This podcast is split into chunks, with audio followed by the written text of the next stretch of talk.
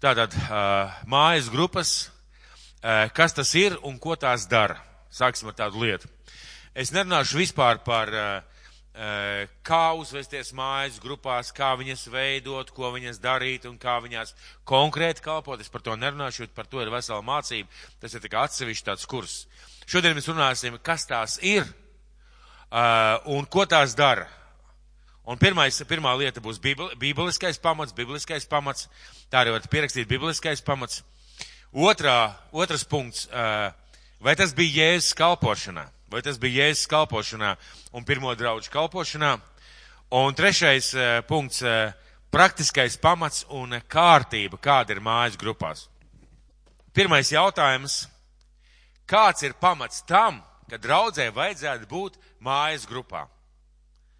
No kurienes tā doma vispār, kāpēc tāda ideja, kāpēc vispār jābūt mājas grupā, varbūt pietiek, ka es nāku uz dievkalpojumu, esmu kādā kalpošanā, reizi mēnesī kaut ko dara vai reizi divos mēnešos, un ar to arī pietiek, un ka tas ir viss, kas mums ir vajadzīgs. Uh, es domāju, ka tad ķeramies pie tā, kāds ir Bībeles pamats. Un sāksimies ar Mate, Mateja evaņģēliju uh, 28. nodaļu, uh, 18. līdz 20. pantam. Mēs mēģināsim rādīt šeit, priekšā, ja, un es lasīšu, nešturiet vaļā, vienkārši tā dzīmējiet, un sāksim ar to tātad. Jēzus piegāja pie tiem, uzrunāja tos sacīdams. Man ir dota visa vara debesīs un virs zemes, tāpēc eit un darēt par mācekļiem visas tautas, tās kristīdam tēva dēlu un svētā gar vārdā, tās mācīdami turēt visu, ko es jums esmu pavēlējis, un redzi, es esmu pie jums ikdienas līdz pasaules galam. Un atslēgas vārds ir šeit, dariet par mācekļiem. Atslēgas vārds ir dariet par mācekļiem. Dariet par mācekļiem visas tautas kādā veidā, kristīdami un mācīdami. Bet galamērķis ir māceklis.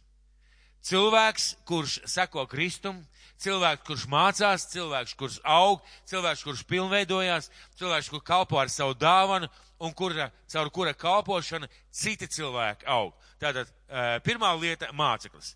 Jautājums ir, kā cilvēks aug? Vai tikai dzirdot un klausoties dievkalpojumā? Cilvēks aug dzirdot, otrā lieta, kad viņš saprot, pēc tam darot un uh, domājot par to, diskutējot par to. Daudz cilvēku saka, man ir atklāsme no Bībeles, uh, tas, tas, tas un tas. Atklāsme kļūst par sastāvdaļu no mums tad, kad mēs sākam darīt. Ja Jēzus gribēja veidot mācekļus, un viņš grib veidot mācekļus, tas nozīmē, ka mums ir jābūt augošiem cilvēkiem, cilvēki, kuri dzird, kuri saprot, kuri dara, kuri kopā izdzīvo, kā Kristus mies. Vai tas ir iespējams apmeklējiet tikai dievkalpojumus? Godīgi pasakām, vai mēs, to, vai mēs redzam to apmeklējot tikai dievkalpojumus? Nu, mēģinām padomāt. Vai tas ir iespējams? Jūs nākat svētdienā uz dievkalpojumu un apmeklējat visus dievkalpojumus, kas ir, kas ir metajā mēnesī un gadā. Vai tas ir iespējams, ka jūs dzirdat, visu saprotat, ka jūs sākat to darīt, piemēram, lūdziet viens par otru, runājiet viens ar otru, dalieties viens ar otru. Praktiski tas nav iespējams. Praktiski tikai ar lielajiem dievkalpojumiem tas nav iespējams. Nav iespējams tikai ar lieliem dievkalpojumiem dzīvot. Pat ja jūs mājās cītīgi lasat grāmatas vai bībeli vai studējat, pat tad jums ir vajadzīgs praktizēties. Piemēram, cilvēkiem ir dot eh, svētā gara dāvana eh, darīt kaut kādu lietu. Kad jūs paskatīsieties uz svētā gara dāvanām, jūs ieraudzīsiet, ka šīs dāvanas aktivizējās tikai miedarbībā ar cilvēkiem. Brīnumdarīšanas dāvana, ļauno garu izdzīšanas dāvana, nezinu, ticības dāvana, gudrības dāvana. Viņi aktivizējās tikai tad, kad tu esi kopā ar cilvēkiem. Tagad iedomājamies, lūk, ir dievkalpojums uh, gund, par gundagu nāk gudrības dāvana. Vai viņi var vienkārši piecelties, pacelt roku? Tā, mīļie, man ir vārds, man ir gudrības vārds. Piemēram, par Ilonu. Praktiski nav iespējams. Ja mēs runājam un saliekam visas dāvanas kopā, kalpošanu, žēlsirdību vispār, nav iespējams lielajā dievkalpojumā uh, praktizēt ar dāvanām. Nav iespējams uh, mācīties vienam otru mīlēt, nav iespējams izdiskutēt vai pārunāt vārdu vai saprast vārdu no dažādām pusēm, ja tev nav diskusiju, pārunu un tāds kopā būšanas laiks ar kādiem cilvēkiem. Praktiski nav iespējams. Uh, tas, kurš var varbūt uh, praktizēt savu dāvanu, tas ir mācītājs, varbūt aizlūdzēji, varbūt kāda skolotāja, sludinātāja vai uh, slavēšanas komanda, bet praktiski izdzīvot kristieša dzīvi realitātē nav iespējams. Jo, jo lielajos dievkalpojumos tas vienkārši nav izdarāms. Kā tas vislabāk var notikt? Pirmām kārtām cilvēkam ir jābūt draudzē. Kāpēc cilvēkam jābūt draudzē? Viena iemesla dēļ tev ir jābūt pievienotai Kristus miesai, lai tu justu vienotību pirmām kārtām, otrām kārtām, lai tu būtu daļa. Ja tu neesi draudzē, eh, tu vari nākt uz mājas grupu, bet tad tu esi tikai projektā, jeb, tiksim, tādā tā kā, tā kā virzībā uz priekšu, bet tu nevarēsi nekad tā pa īstam sākt darboties un funkcionēt ar savām dāvanām un savām spējām. Uh, lielajos dievkalpojumos, draudzes dievkalpojumos, tas nav iespējams. Pieņemsim, Dēvids sēž aizmugurē un uh, rāda vārdus un rāda skaņu un vispārējo. Bet Bībele saka, kad jūs sanākat kopā, katram ir kāds vārds, katram ir liecība, kādam ir psalms, lūdziet viens par otru, iestājieties viens par otru. Dēvis to nespēja praktiski realizēt, ja viņš ir tikai lielajā dievkalpojumā. Ja viņš tikai lielajā dievkalpojumā. Mājas grupā tas ir uh, absolūti reāli un absolūti praktiski. Un iznāk tā, ka uh, lielie dievkalpojumi ir ģimenes svētki, ka ģimene sanāk kopā nedēļas nobeigumā. Mājas grupa ir tā īstā vieta, jeb tas īstais mājas darbs, kurā mēs augam, kurā mēs diskutējam, kurā mēs runājam, kurā mēs meklējam, kurā mēs lūdzam viens par otru, kurā mēs iepazīstam viens otru. Tieši mājas grupa ir īstā, ja tā varētu teikt, draudzes, dvēselē draudzes dzīve. Eh, kas notiek lielajos dievkalpojumos? Mēs kopā slavējam, mēs lūdzam, eh, varbūt eh, visi zālē, bet nu tomēr it kā katrs atsevišķi, ja? Mēs klausamies vārdu, mēs varam pat nevaram piekrist vai nepiekrist, mēs pēc tam aizlūdzam varbūt un dodamies projām. Bet ja mēs skatāmies uz mācekli, tad māceklis ir, tā, ir cilvēks, kurš pilnesenīgi un sulīgi izdzīvo visu Dieva pilnību savā dzīvē. Viņš kalpo ar dāvanu, viņš lūdz par cilvēkiem, viņš dalās ar pieredzi, viņš mīl viens otru, viņš svētī vienu otru, viņiem ir diskusija, pārunu, pārdomu laiks, viņiem ir sadraudzība savā starpā. Lielajā dievkalpojumā praktiski tas nav iespējams. Praktiski tas nav iespējams. Mājas grupai ir tādi kā četri mērķi. Mājas grupa nav es nepaņēmu līdz to grāmatu, bet mājas grupa nav. Es no, minēšu pāris lietas. Mājas grupa nav lūkšanu grupa. Jo lūkšana grupā mēs vienkārši lūdzam par cilvēkiem. Mājas grupa nav dumpinieku bariņš, kas savācās un apspriež un kritizē draudz. Mājas grupa nav uh, vienkārši diskusiju grupiņa, kur mēs vienkārši atnākam un diskutējam vai dzeram kafiju. Mājas grupa ir vieta, kur mēs garīgi augam. Un, uh, ja mēs skatāmies uz šiem, ir, mājas grupai ir četri mērķi, četri mērķi. Uh, tādai vispārīgai garīgai augšanai. Pirmām kārtām, uh, pie, kopā pielūgt Dievu. Kopā pielūgt un slavēt Dievu pirmām kārtām, jo viss sākās ar Dievu. Un uh, to es nosaukšu tādā gudrā vārdā skats uz augšu. Tātad skats uz augšu. Pielūgt Dievu. Uh, otrā lieta - mājas grupā mēs, mēs tieši piedzīvojam šīs ģimeniskās attiecības. Mēs varam piedzīvot tieši to, ka mēs esam kopā, ka mēs lūdzam viens par otru, ka mēs iepazīstam viens otru, ka mēs mācāmies palīdzēt viens otram. Un tas ir skats uz iekšu. Tad mēs esam mājas grupā, mēs skatāmies pirms uz Dievu, pēc tam uz iekšu, viens uz otru. Un mājas grupas tieši ir tās grupas, kurās izveidojas vislabākās attiecības, vislabākā draudzība. Mājas grupās cilvēki viens otram palīdz, viens otram kaut ko dod, dāvina, darbojās viens dzimšanas dienas, mājas grupas kopā kaut kur izbrauc, tātad skats uz iekšu. Trešā lieta - skats uz āru jeb uh, mājas grupa aicina cilvēkus no draudzes un no pasaules. Kāpēc svarīgi ir, ka mājas grupas aicina cilvēkus no pasaules uh, un no draudzes? lai mājas grupa augtu. Mājas grupa ir tā kā šūniņa.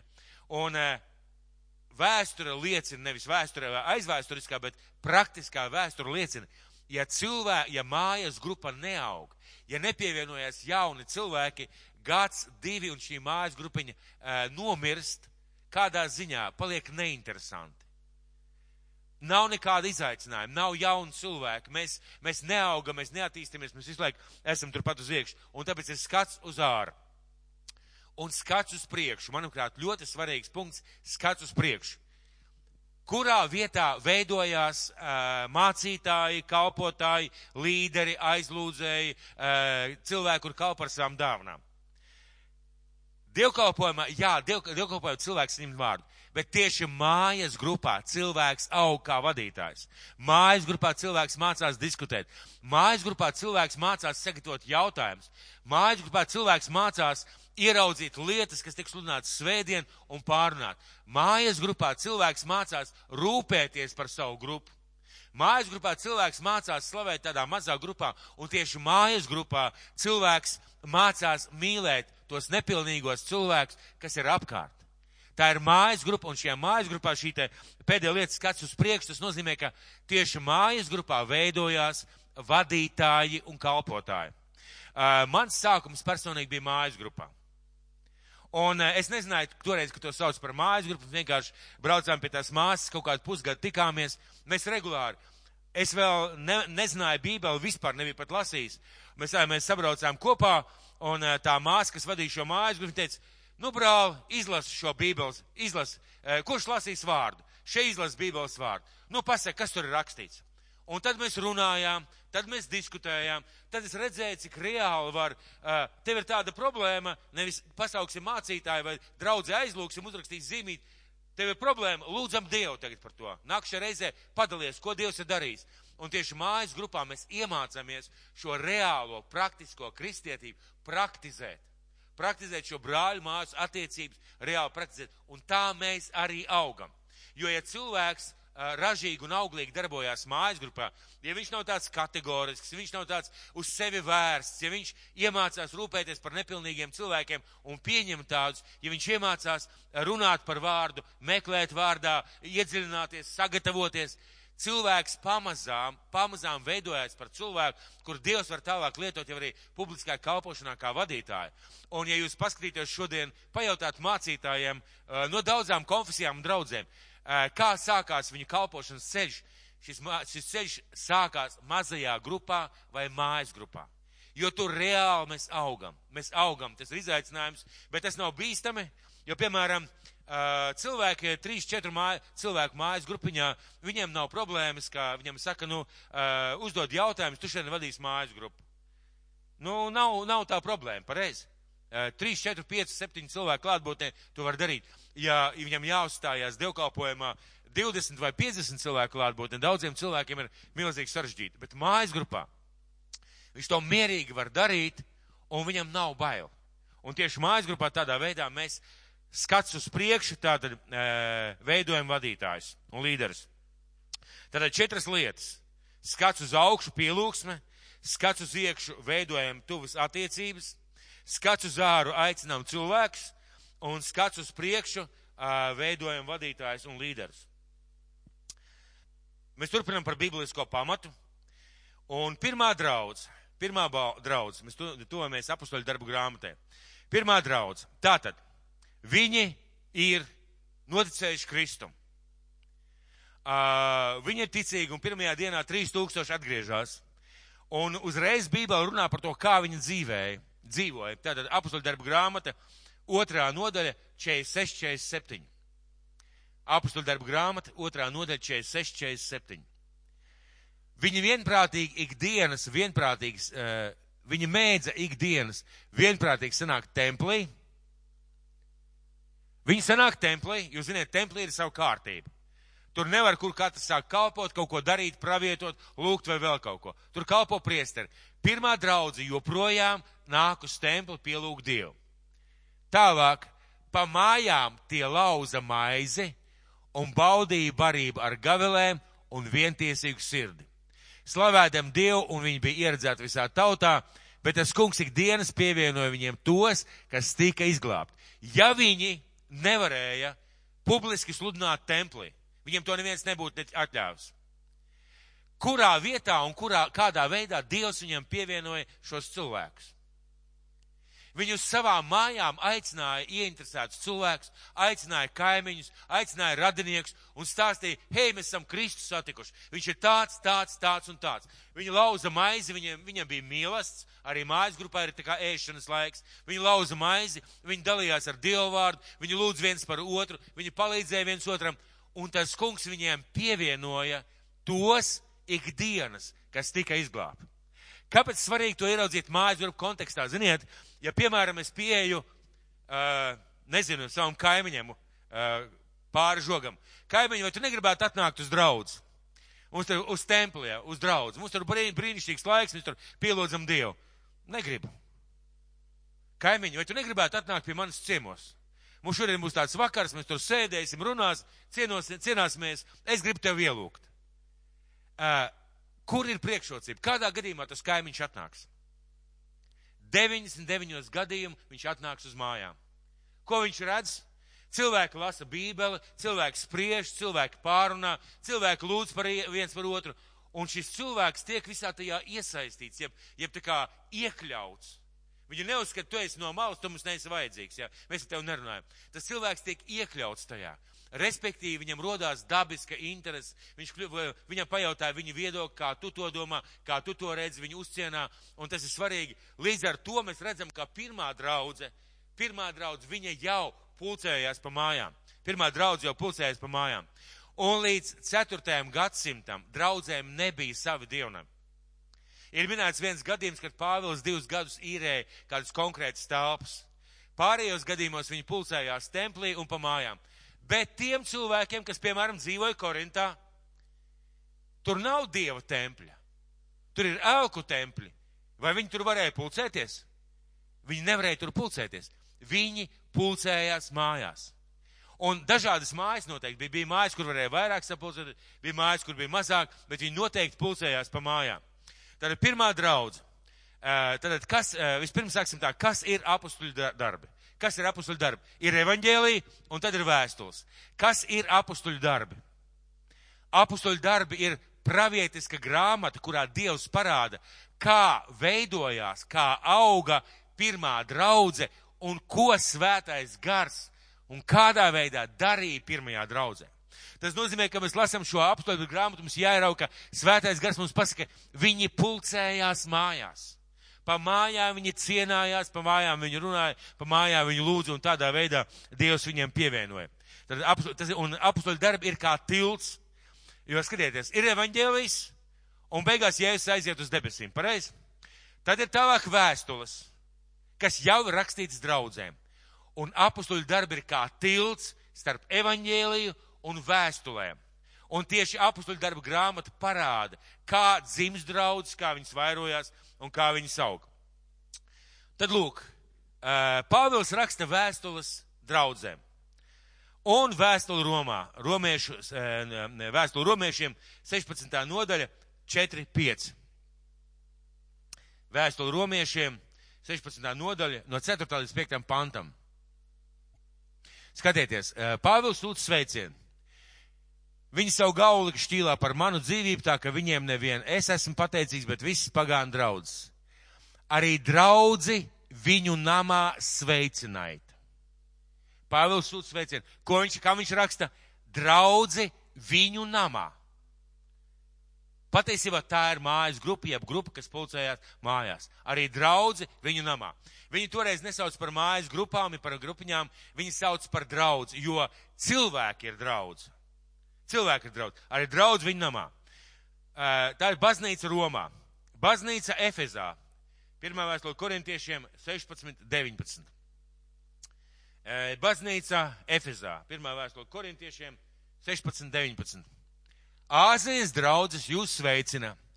Akvila un Priskilla ar savas mājas draudzi jūs daudzreiz sveicina iekš tā kunga. Jūs daudzreiz sveicināt, tātad ar savu mājas draudz. Patiesībā ar grupu, kas pulcējas viņas mājās. Draudze Laudiķejā vēstuli kolosiešiem 4.15.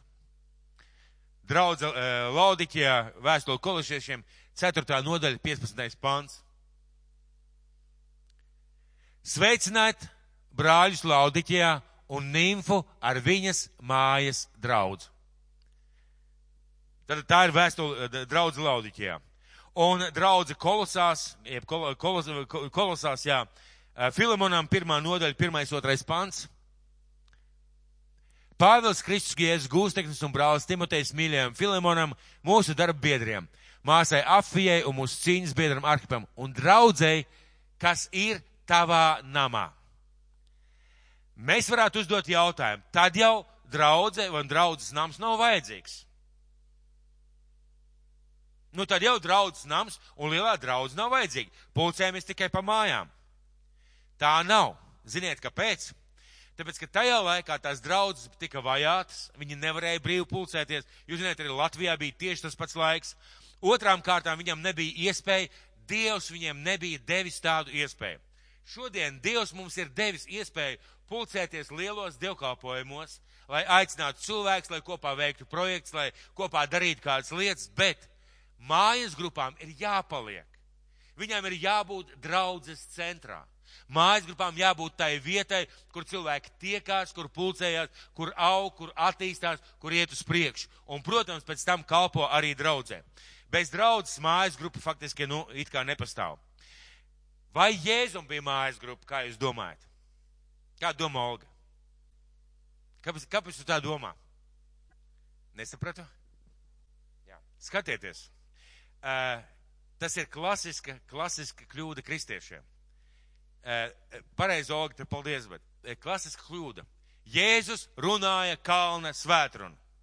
Jēzus runāja no laivas pie jūras. Jēzus runāja templī uz visiem. Ja jūs lasītu visu, ko Jēzus darīja, jūs būtu pārsteigti. Lielāko daļu viņš darīja pa mājām. Lielāko daļu savas kalpošanas viņš darīja pa mājām. Patiesībā viņš gāja no mājas uz māju, pa vidu bija lielie dievkalpojumi, pa vidu bija lielās runas, bet pat izskaidroja šos lielos dievkalpojumus viņš saviem mācekļiem pa mājām. Vienkārši palasīsim šos piemērus. Tātad Marka evaņģēlijas pirmā nodaļa 32, 34. Un kad vakars metās saule bija nogājusi, tad tie pie viņa sanes visādus neveselus un ļaunu garu apsēsts. Un visa pilsēta bija sapulcējusies, kur? Durvju priekšā. Jēzus ir mājā iekšā, viņš sēž, ja tā varētu teikt, ar savu mājas grupu, ar saviem mācekļiem, Un viņš dziedināja daudz, kas ir dažādām kaitēm, izdzina daudz ļaunus garus, un viņš ļauniem gariem neļāva runāt, jo tie viņu pazina. Tātad, kas šeit notiek? Šeit notiek dziedināšana, un šeit notiek ļauno garu izdzīšana. Mājas grupā, ja tā varētu teikt, mājās. Uh, otrā vieta - Marka evaņģēlijas 2, 1 līdz 10. Un pēc kādām dienām viņš gāja atkal uz Kapernaumu, ļaudis dzirdēja viņu, esam namā, atkal, redziet, namā. Un daudz sapulcējās tā, ka tiem pat durvju priekšā nebija vietas, un viņš tiem sludināja vārdu. Un tad tālāk mēs lasām, ka tur nāk tie cilvēki ar, tā, ar tām nestuvēm, uh, uzplēš jumtām, mājā jumtu un nolaiž uh, paralizēto jēzumu priekšā. Viņš ir mājās. Uh, mēs bijām, gal, mēs bijām Galilejā, mēs bijām tajā mājā, ko vēsturnieki it kā uzskata, ka tā varētu būt māja. Viņa tādas diezgan apaļas formas, vai tādas pie, piecstūrainas formas, un Nu, tur var salikt 20 cilvēku, nu 30, nu maksimums 50. Maksimums 50. Viss pilsētas sapulcē pie manis. Kāpēc Jēzus neizgāja ārā? Kā jūs domājat? Kāpēc viņš neizgāja ārā? Jo viņš gribēja, lai tie, kas viņam ir apkārt, lai tie dzird, lai tie redz, lai viņi piedalās tajā. Un tur ir farizēji, kas sēž un saka, kas tāds, ka viņš grēks var piedot. Ja tas farizējs būtu stāvējis otrā pūļa malā, ja es viņam to nevarētu mums pajautāt, ja pateikt pēc tam. Un tad viņš saka, jūs sakat tā un šitā, kas ir vieglāk? Teikt, celies un staigā vai tev grēki ir piedot? Lai jūs zinātu, ka man ir vara grēkus piedot, celies un staigā. Respektīvi, mājas grupā šajā tuvajā sadraudzībā, ja tā varētu teikt, arī ar farizējiem, viņš parāda šo brīnumu. Lūks evaņģēlī 10. nodaļa 3.8.42. Un atgadījās viņš tālāk ejot nonāca kādā ciemā, tur bija kāda sieva Marta vārdā, viņa uzņēma viņu savā namā. Un viņai bija māsa Marija, tā apstājas pie tā kunga kājām, klausījās viņa vārdos. Tālāk nolasīsim, taupīsim laiku, bet pierakstiet ar Lūkas 10, 3, 8, 42. Ko viņš dara šajā mājā? Viņš šajā mājā māca. Viņš māca savu tuvu, tuvu cilvēku.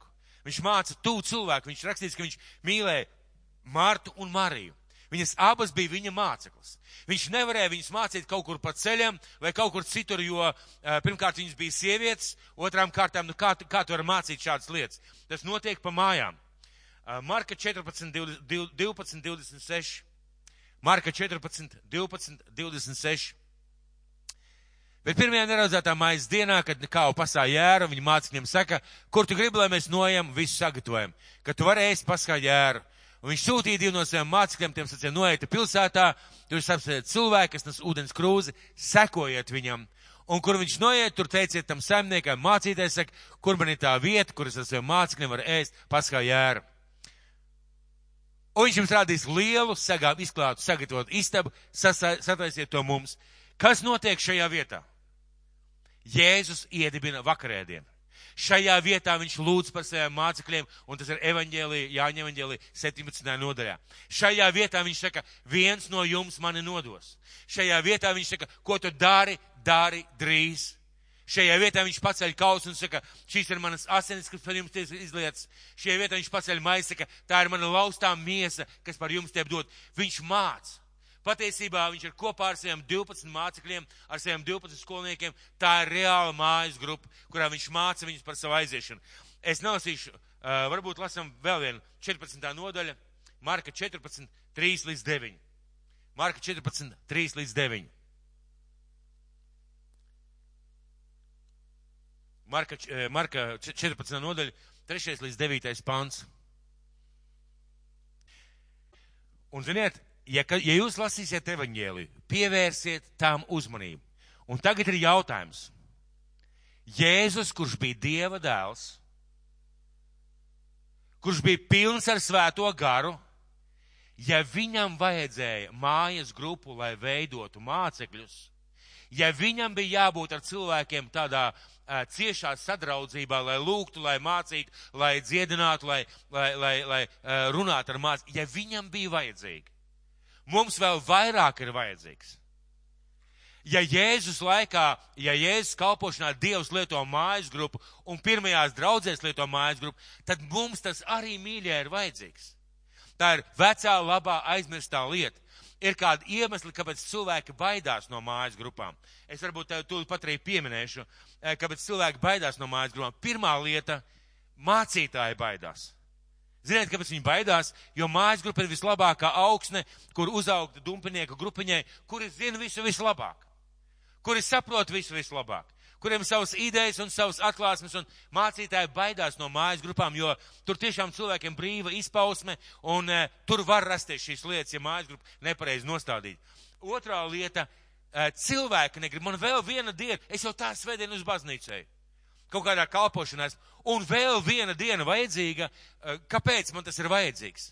Eh, cilvēki domā, ka dievkalpojums ir viss, kas viņiem ir vajadzīgs. Ir daudz dažādu iemeslu, šobrīd neminēšu, bet tas nav pareizs uzskats, tā nav pareiza lieta. Un ja mēs domājam, ka mums nav vajadzīga mājas grupa, mēs īstenībā apzogam sevi. Uh, šobrīd varbūt ir drusku savādāk, bet ticiet vai nē, pirmos piecus gadus savā mācītāja kalpošanā es dzīvoju tikai uz to, ko es kādreiz biju mācījies mājas grupā. Reāli. Es dzīvoju ar tām atklāsmēm, ar tām domām, ar tām lietām.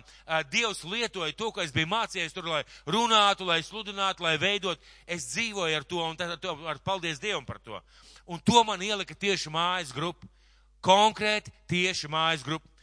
Pilnībā piekrīt, varbūt veiksmīgāks mājas grupas, varbūt netik veiksmīgs mājas grupas. Pilnībā piekrīt. Bet mēs runāsim par to veiksmīgo variantu, ka tas ir reāli svēta gara vadīts darbs. Tātad, ja Jēzus to mācīja, ja Jēzus tā darīja, mums arī to vajag darīt. Praktiskā lieta, praktiskā lieta. Korejā šobrīd ir, es nezinu, cik tur tagad ir, simtiem tūkstošu ticīgu cilvēku. Un Jungi Čo draudzē, tas bija kaut kādus gadus, 10, 15 atpakaļ, man pierakstīja tāds skaits 800 tūkstoši cilvēku Kā 800 tūkstoši cilvēku var sanākt vienā dievkalpojumā? Kā tas ir iespējams? Nav iespējams. Un viņiem tieši tā arī ir. Viņi pulcējās pa mājām. Un vienreiz mēnesī vai vienreiz gadā viņi noīrē stadionus un sanāk visi draudz kopā. Jā, protams, tur ir līderi, tur ir vadītāji, tur ir e, kaut kāda informācija, tur ir mācība, kas tiek nodot pa ķēdīt, nodot mā, grupu vadītājiem. Grupu vadītāji tiekās. Bet šie visi cilvēki aug un attīstās vesela 800 tūkstoši draudzu un vairāk funkcionē tikai caur mājas grupām. Un ticiet man, viņi nav vāji kristieši. Viņi ļoti spēcīgi kristieši, kas gavē, kas lūdz, kas izdara ļaunos garus. Real, reāls spēks. Ķīna, minēsim tādu piemēru kā Ķīna. 49. gadā Ķīnā bija apmēram 10 tūkstoši ticīgu cilvēku, un tur bija amerikāņu misionāri. Pie varas 49. gadā nāk tāds prezidents Maudze Duns, Viņš izdzen ārā visus misionārus, visus pilnībā. Daudz ticīgos iesēdina cietumā un ir dzels aizskars. Dzels aizskars. Internetu vēl nav, tādu komunikāciju vēl nav. Un Amerikā draudze lūdz Dievu par Ķīnu, tie, kas izdzīta ārā, kas bija ieguldījušies Ķīnā, darbā Ķīnā. Lūdz Dievu par Ķīnu, viņi domā, kas tur tagad notiek, un neviens nezina. Un, ja nemaldos, 80. gados uh, krīt šis te dzelzs aizskars un ir milzīgs, milzīgs pārsteigums visai pasaulē, jo uz to laiku ir apmēram simt, nē, simts tūkstoši ticīgu cilvēku. Vajāšanās, kad liek cietumā, kā viņi radās, no kurienes viņi radās, kādā veidā viņi izveidoja. Viņi pulcējās pa mājām. Viņi sludināja pa mājām, viņi aicināja draugus, paziņas, un ja jūs šodien paskatīties uz Ķīnu, notiek tieši tas pats. Kas ir svarīgi, šādu draudz nav iespējams iznīcināt. Padomi laikā bija kā? Tad iesūtīja draudzē čekistu, jā, čekis pierakstīja visu, kas nāk uz dievkalpojumu, visus jūs pēc kārtas izsauc uz, uz čeku, pasaka, ja, ja mēs tevi vēl redzēsim dievkalpojumā, slikti ar tevi būs. Un neviens vairs neiet uz dievkalpojumu. Mājas grupā to nav iespējams izdarīt. Šodien mēs piekamies pie Danielas, piemēram, jā. Rītā pie Gundagas, parīt pie Gaidas, aizparīt, teiksim, pie, pie Olgas. Mums pat noķert īstenībā nevar. Pareizi. Es zinu, ka, piemēram, šie lielie svētīšanās dievkalpojumi, viņi tika parasti taisīt uz Jāņiem, kad kādam bija dzimšanas diena, kāda apaļāka jubileja Latvijā, kad bija šeit padomu laikā, arī bija vajāšanas vasaras svētku draudzēm. Un iedomājieties, ir dzimšanas dienu Pēterim, un sestdien, svētdien sabrauc 80 ticīgi cilvēki, un taisa dzimšanas dienu. Tādos gadījumos bieži parādījās policija, ko jūs šeit darat? Pēterim dzimšanas diena, viņš mums baigais draugs, un neko nevar izdarīt. Nu, kāda pulcēšanās mums ir dzimšanas diena? Vai Jāņi, vai vēl kaut kas. Cilvēki izmantoja šo svētkus un patiesībā draudze, kas ir mājas grupās, viņa nav iznīcināma. Jo mums ko var izdarīt? Var atņemt māju, var mācītāju ielikt cietumā, bet ja ir mājas grupa, nav vajadzīgs mācītājs turpat uz vietas. Nav vajadzīgs kaut kādas mācības, mēs paši tiekamies, runājam, mācamies, lūdzam viens par otru, palīdzam viens otram, aicinam kaimiņus radus. Realitātē mēs esam draudze, kura aug. Un tieši tāpēc ļoti daudz draudzes pasaulē, draudzes pasaulē darbojas ar mājas grupām un ir vesela mājas grupu sistēma. Es zinu, ka Amerikā ir mājas grupu draudzes, visā daudzās pasaules mājās ir mājas grupu draudzes. Viņi pulcēs pa mājām un reiz mēnesī satiekās, reiz divos mēnešos, reiz pusgadā satais lielo dievkalpojumu. Bet tā ir realitāte, kā, kādā veidā notiek pasaulē. Un no kurienes tas? No Bībeles. Praktiskais pamats, otrs punkts, praktiskais pamats un kārtība mājas grupām vēstuli Efeziešiem, 4. nodaļa, 11. 12. pants. Viņš arī devis citus par apustuļiem, citus par praviešiem, citus par evaņģēlistiem, citus par ganiem un mācītājiem, lai svētos sagatavot kalpošanas darbam, Kristus miesai par stiprinājumu. Nav iespējams, nav iespējams draudz dievkalpojumos cilvēku sagatavot par kalpotāju var sagatavot par klausītāju, uzmanīgu klausītāju. Var mācīt kādā seminārā, var mācīt, teiksim, kādās mācībās. To ir iespējams darīt, tā, un tas ir jādara. Bet reāli par kalpotāju cilvēks kļūst tad, kad viņš sāk darīt. Kad viņš sāk kalpot, kad viņš sāk lūgt, kad viņš sāk palīdzēt, kad viņš sāk gatavoties, kad viņš sāk kaut kādā veidā nest to vēsti, jeb to, darīt to darbu, uz ko Dievs viņu ir aicinājis. Draudzes mācītāju uzdevums ir sagatavot svētos kalpošanas darbam. Ziniet, kā viens otrs lasa šo pantu? Tā tad viņš devis cits par apustuļiem, cits par praviešiem, cits par ganiem, cits par evaņģēlistiem un mācītājiem, lai kalpotu svētajiem un lai stiprinātu Kristus miesu. Var tā izlasīt? Nu, var tā mēģināt izlasīt, jā? Ja? Nu, tātad mācītāji un vadītāji kalpo e, dra, dra, Kristus miesai, un uh, stiprina viņus nepārtraukt. Un mēs neko nevaram. Īstenībā ir otrādi. Mācītāji un kalpotāji ir, lai sagatavotu svētos kalpošanai. Ko tas nozīmē?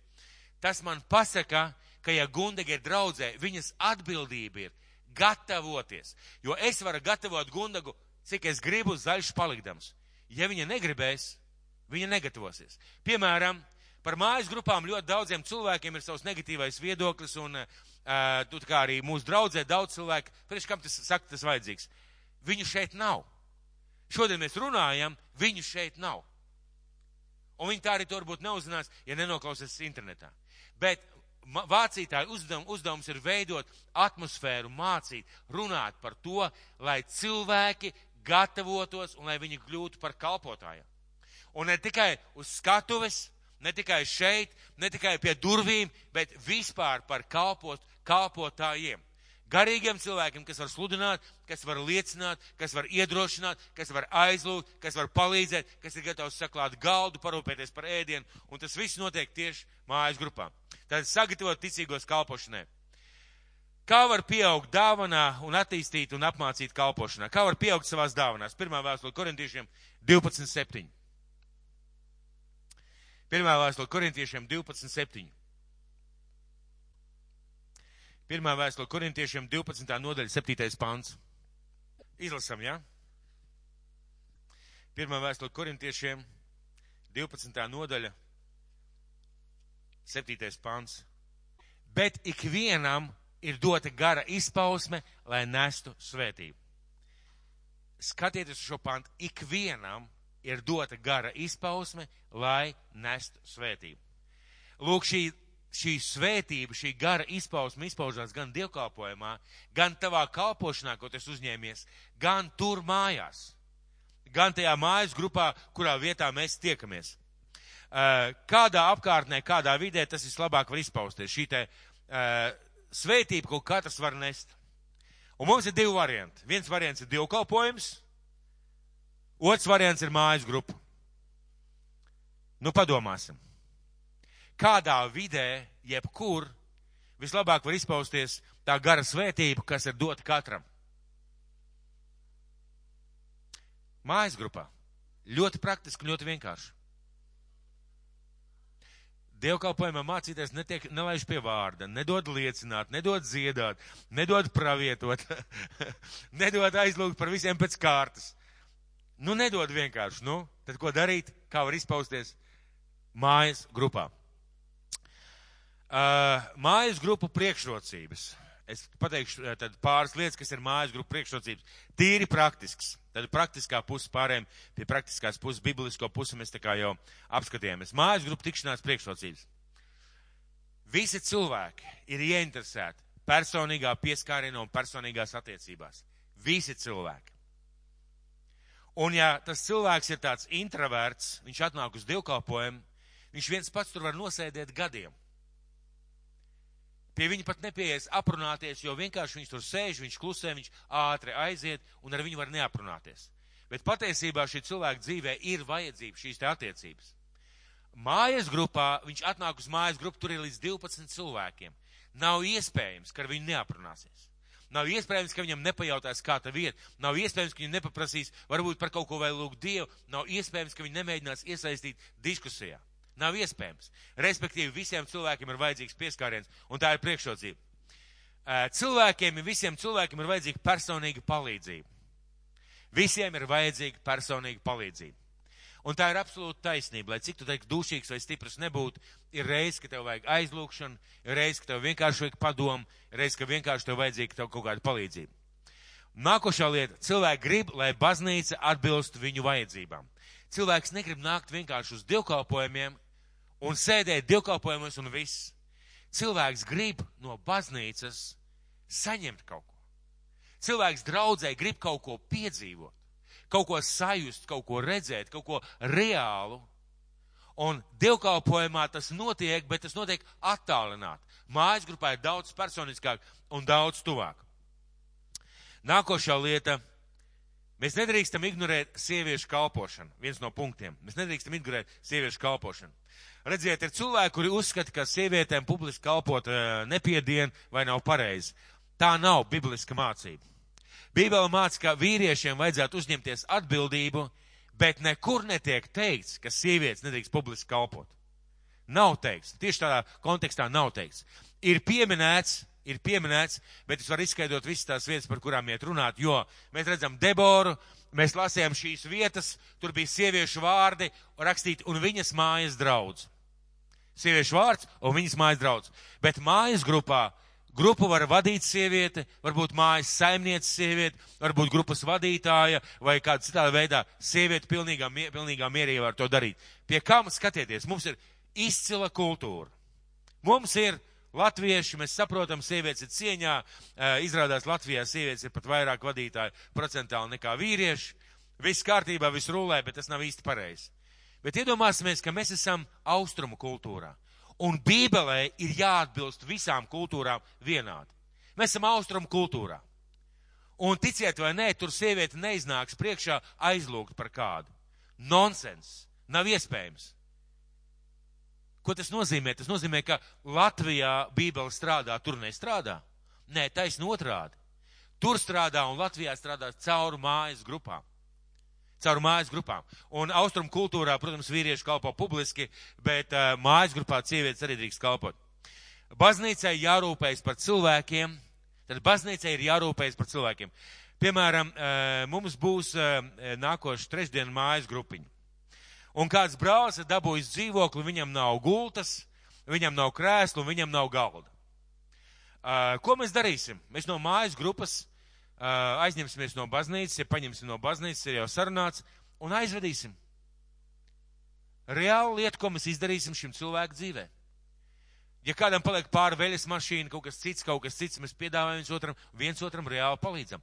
Cilvēkiem ir vajadzīga palīdzība no baznīcas, un cilvēkiem ir jāzina, kā baznīca rūpējās par viņu vajadzībām. Nākošā lieta - piedrības sajūta ir cilvēki, kas nāk uz draudzi un viņi var nejusties piederīgi. Viņi var nākt, it sevišķi tā ir liela draudz. Pieņemsim 300, 400 cilvēki, jūs varat aprunāties ar tādiem cilvēkiem. Arī Latvijā mums ir draudzes, ne visas, bet dažās draudzēs ir cilvēks atnāk, viņš nosēž, viņš aiziet, neviens viņu pat nepaman. Bet visiem cilvēkiem viena no pamat vajadzībām ir, pamat vajadzīga, psihologi to skaidri ir nodefinējuši, piederības sajūta. Visiem cilvēkiem un mājas grupa dod šo piedrības sajūtu. Esmu piedrīgs tai un tai mājas grupai, tā ir mana mājas grupiņa. Uh, sakiet, kā ir vieglāk, kā ir vieglāk ienākt draudzē? Pa sētas durvīm vai pa parādas durvīm? Kā jūs domājat? Nu tā godīgi, pa parādas durvīm vai pa sētas durvīm? Pa sētas durvīm daudz vienkāršāk cilvēkiem ienāk. Un mājas grupa ir sētas durvis pa kurām tev uzaicina, tu atnāc uz mājas grupu vienreiz, otrais, trešoreiz, pēc tam Dievs saka, klausies, mēs, e, mēs svētdienās nākam dievkalpojumos, dodamies uz dievkalpojumu cilvēkam daudz vienkārši, jo viņš jau ir kopā ar tevi. Viņš jau ir bijis kopā ar tevi un viņš, uh, viņš saprot, ka viņi arī sapratīs. Uh, cilvēkam ļoti vajag draugus. Nākošais, lai cilvēkam vajag ļoti draugus, un tieši mājas grupās bieži izveidojās draugi. Uh, vēl, vēl viena lieta - komforta sajūta. Ziniet, ko tas nozīmē? Tas nozīmē, es varu atnākt tāds, kāds es esmu. Dievkalpojumā es pateikšu kaut kādu muļķību, visi uz mani skatīsies. Vai, piemēram, ja, ja esmu tāds kautrīgs vai taisnu otrādi, visi man tiesās, man nosodīs, tā gan nav. Bet cilvēki tā jūtās. Viņš atnāk uz mājas grupu, viņš jūtās pieņemts. Tur viņš atnāk tāds, kāds viņš ir. Ar tām zināšanām, ar to sapratni, kas viņam ir, viņš jūtās komforta zonā. Un e, pēdējā lieta, nav noteikti pēdējā, bet kas man ir pierakstīta pēdējā, visi jūtās iekļaut. Respektīvi, ja tu atnāc uz mājas grupu, un ja tu gribi būt šajā mājas grupā un nevis tāpēc tev piespieda, tu jūties iekļauts mājas grupā. Tu jūties piederīgs šajā mājas grupā. Tā ir tava vieta. Nākošais lielais punkts, tas ir trešais kārtība. Kārtība mājas grupā, lai nevienu nenobiedētu. Es padalījos ar biblisko, bībeles pie, bibliskiem piemēriem, jeb iemesliem. Tad mēs parunājām nedaudz par tām priekšrocībām un tagad nedaudz par kārtību. Kāda kārtība ir mājas grupā? Tie, kas ir bijuši, noteikti zinās, bet parasti ir tā, ka kādu cilvēki gatavojas uz šo mājas grupu. Tātad sagatavo ēdienu, sagatavo cienastu, sagatavo diskusiju, sagatavo dziesmas un tam līdzīgi. Pēc tam ir uh, pirmā lieta, kas notiek, kad cilvēks sanāk, to sauc par ledus laušanu, 20 minūtes. Kad ir cienasts, kad cilvēki cienājās, jo kāds ir atnācis no darba, kāds varbūt ir izbadējies vai kaut kas savādāk, uh, to sauc par ledus laušanu. Tātad. Uh, 20 minūtes mēs runājam, cienājamies, pajautājam, kā iet un tam līdzīgi. Otrā lieta ir uh, slavēšana un pielūgsme, kad mēs 20 minūtes apmēram dziedam, slavējam Dievu un lūdzam Dievu. Pēc tam trešā lieta ir diskusija par vārdu 45 minūtes. Un šeit ir viena ļoti svarīga lieta, lai mēs saprotam. Protams, ka ir iespējams runāt par visām pasaules lietām. Ir iespējams, bet mana personīgā pieredze, un arī jūsu pieredze noteikti būs, kad beidzās dievkalpojums, jums pajautā, par ko bija dievkalpojums, parasti atbildi ir par Dievu, vai ne? Nu, par Dievu, vienmēr par Dievu, vai ne? Realitātē to vārdu mēs dzirdējām, bet mēs ļoti bieži palaidām garām. Bet kas notiek mājas grupā? Mēs it kā atceramies, un tad jau nevis no kancels, bet mēs savā starpā pārnājam to vārdu izrunājam, izdiskutējam, varbūt kādi citi piemēri, varbūt cita saprašana, varbūt kaut kāda dziļāk vai savādāk. Realitātē tas vārds kļūst par mūsu pieredzi. Un pēc tam parasti mājas grupas beigās, ja šīs uh, diskusiju beigās, runā par to, kā mēs to varētu praktiski savā dzīvē realizēt. Ja, piemēram, mēs šodien runājam par to, ka mums ir šis te Jāņa Kristītāja aicinājums sagatavot cilvēkiem ceļu. Ko jūs varētu runāt Piemēram, mājas grupā trešdien, kā tev liekas, Daniela. Mājas grupā viņai pajautās, viņa nemaz nekautrēsies. Tagad Daniela nokautrējās. Nu, par ko, par ko, da, Ilo, par ko, eh, Jolanta, varētu runāt, jūs varētu runāt mājas grupā? Jā, bet tieši par ko tātad, ja bija šis, šī runa par Jāņa Kristītāja aicinājumu? Kā tas attiecas uz mums? Par, par to, kā mums sludināt, kāpēc tas, šī, šī, šī, šī tēma attiecas uz mums, kāpēc mums ir svēt, dots svētais gars. Kā mēs varētu aicināt cilvēkus? Mūsu pieredze, kā ir ar aicināšanu, kāda ir pozitīvā pieredze, kāda ir negatīvā pieredze. Un tādā veidā mēs viens otru iedrošinām, viens otru stiprinām un palīdzam šajās lietās augt. Tātad 20-45 minūtes runa par vārdu.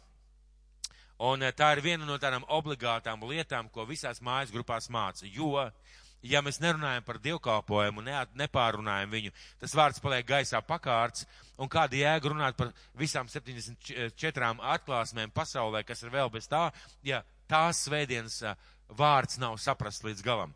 Un tā ir tāda prasība, ko patiesībā praktizē visas mājas grupas. Un tikai no mājas grupas ir atkarīgs, kā viņi ir sagatavojušies, kā viņi ir iedziļinājušies, kādus vēl piemērus viņi ir atraduši, kādas vēl līdzības vai praktiskas lietas, respektīvi, varbūt garlaicīgi un vientuļi, ja mācītājs teica tā un tā, viss saka āmen. Bet, ja mēs esam izlasījuši, ja mēs esam pārdomājuši, ja mums ir kaut kādi argumenti, kaut kādas domas, tas ir interesants dzīve un tas jau ir no mums, respektīvi pārunājam dievkalpojumu. Tad ir aizlūkšanas par draudzu un personīgās lūkšanas 30 minūtes, ka mēs lūdzam viens par otru. Un pēc tam ir 5 minūtes plānošana, ka mēs plānojam nākošo mājas grupu. Ko nozīmē plānot nākošo mājas grupu? Pieņemsim, Gundaga ir vienmēr gatavojis ēdienu. Piemēram. Bet tagad mēs saprotam, ka mājas grupā, ka mums vajadzētu darīt kaut kā savādāk.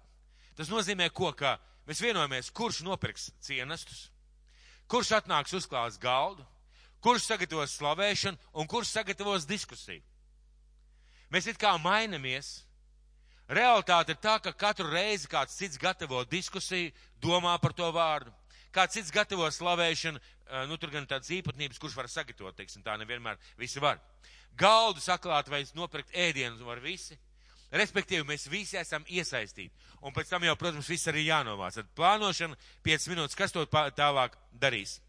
Ko nedrīkst darīt mājas grupās? Pirmām kārtām nedrīkst kritizēt un apspriest draudz. Lai Dievs pasarg. Jo vēlns tikai to vien gaida, lai tādā mazā cilvēku grupiņā tiktu diskutēts par draudzi un apspriest draudzes problēmas vai grūtības. Visās draudzēs ir problēmas. Un tā vietā, lai mēs celtu viens otru, mēs sākam graut viens otru. Tāpēc, lai Dievs pasaka, ka mēs kritizējam, mēs varam teikt, mums vajadzētu lūgt par to un to. Lūdzam, nav problēma. Bet diskutēt, kritizēt, kaut kā apsūdzēt, vai tiesāt, vai apspriest, to noteikti nedrīkst darīt. Tā nav mājas grupas formāts. Otrā lieta - nedrīkst kavēt. Nevajadzētu kavēt. Jo, ja cilvēks kavē, viņš kaut kā, viņš iesprācās pa vidu, viņš tā kā pārtrauc to, kas tur ir noticis. Nākošais lieta - nedrīkst ļaut runāt visu laiku vienam cilvēkam. Tas ir nāvējoši priekš mājas grupas. Ja viens runā, tad tas ir nāvējoši. Un nedrīkst ievilkt mājas grupu. Kāpēc nedrīkst e, pārāk ievilkt mājas grupu? Ir cilvēki, kas ļoti aizraujās. Pats zinu piemērus, ka mājas grupa izjūg tikai tāpēc, ka vienmēr beidza vēlu, un e, tā cilvēka vecāki sāka protestēt. Otrām kārtām visiem rīt ir darbs.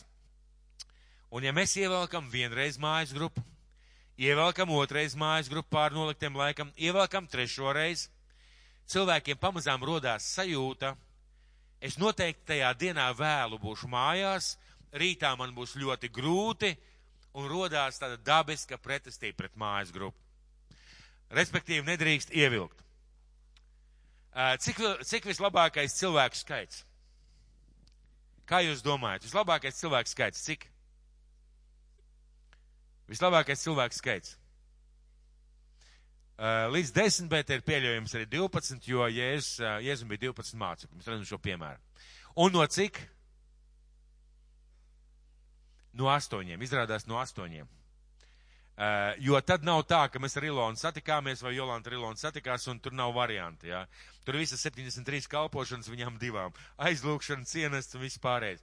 Principā no 6, 8 līdz 10 visoptimālākais uh, un 12 arī pieļaujam. Kāpēc?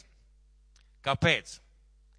Viena iemesla dēļ, lai visi varētu izrunāties, lai visi varētu piedalīties, lai visi būtu iesaistīti.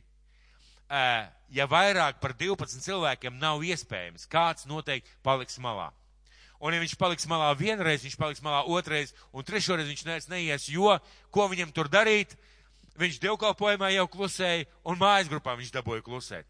Respektīvi, no 10, no 8 līdz 10 vislabākais, bet pieļaujams ir 12. Ko darīt, ja ir vairāk? Ko nozīmē gundegi dalīties? Mēs atrodam to, to, tos, kuri mums nedara un aizsūtam projām, ja? mēs klusiņām, klusiņām uzrakstam, kurus mēs izsvītrojam un aizsūtam projām trimdā, ja? Respektīvi, šīs grupas darbības laikā e, mēs varam redzēt, kuram ir šīs te potenciālās vadītājas spējas. Nu, kurš tā kā vada vairāk, runā vairāk, iesaistās, ieguldās. Un pamazām šis cilvēks, viņš dabiski jau veidojās par nākušās grupas vadītāju. Un tad ir jābūt kaut kādai kopsapulcei, kur nolēmi, ka šis te jaunais vadītājs dodas projām, vai jaunais vadītājs paliek, kāda, cita, kāda cita grupiņa dodas projām.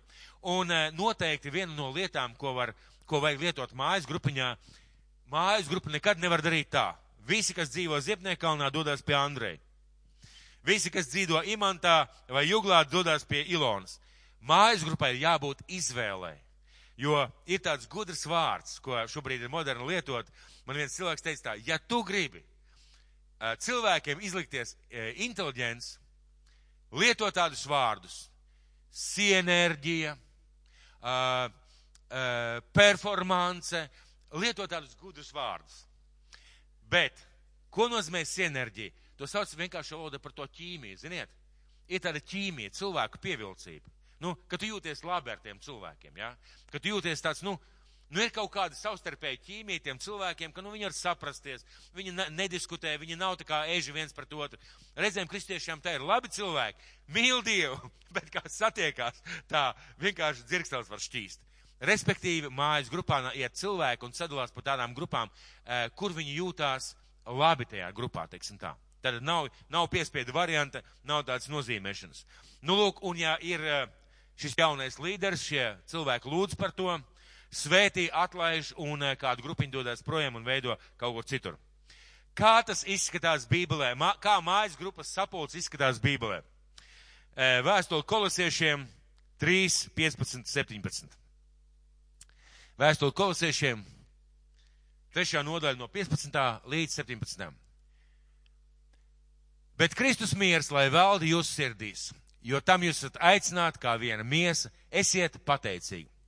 Kristus vārds, lai bagātīgi mūs, mājo jūsos, pamācēt un paskubināt citu citu visā gudrībā, ar psalmiem, himnām un garīgām dziesmām, žēlastībā dziedam savās sirdīs Dievam.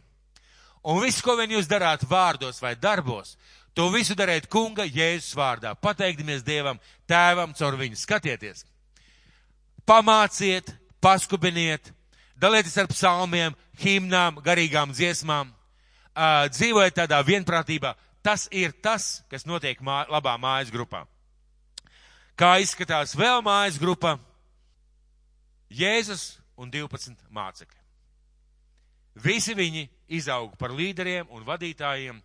Pēters, Jānis un Jēkabs bija pirmie mācītāji un, un apustuļi Jeruzalemes draudzē ja mēs skatāmies tālāk uz Pāvilu, viņam bija tieši tādas pašas mājas grupas, mēs varam izlasīt, ka viņš tiekās pa mājām un runājās ar draudzēm. Tas ir tas, kā Dievs vēlās. Uh, un mēs esam ceļā un procesā uz to, lai visi cilvēki būtu mājas grupā.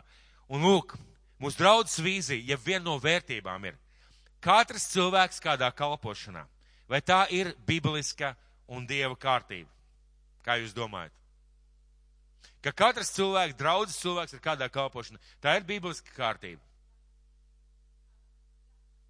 Jā, tas tas, ko Dievs grib. Katram ir dot gara izpausme. Otra lieta. Mūsu draudzes vērtība ir katrs cilvēks ir kādā mājas grupā. Kāpēc? Mācītājam vajag. Padomēji vajag. Pašam vajag. Un ja mēs domājam un rūpējamies un gribam, lai cilvēki aug, mēs runājam par to. Tāpēc, lai debes tās jūs svētī. Uh, par mājas grupām ir vesela mācība, to mēs šobrīd neķersimies klāt. Mūsu laiks ir beidzies, bet es tādā īsā veidā centos jums paskaidrot un parādīt, cik tas ir kolosāli un lieliski, ka Dievs mūs aicina tādā veidā kalpot.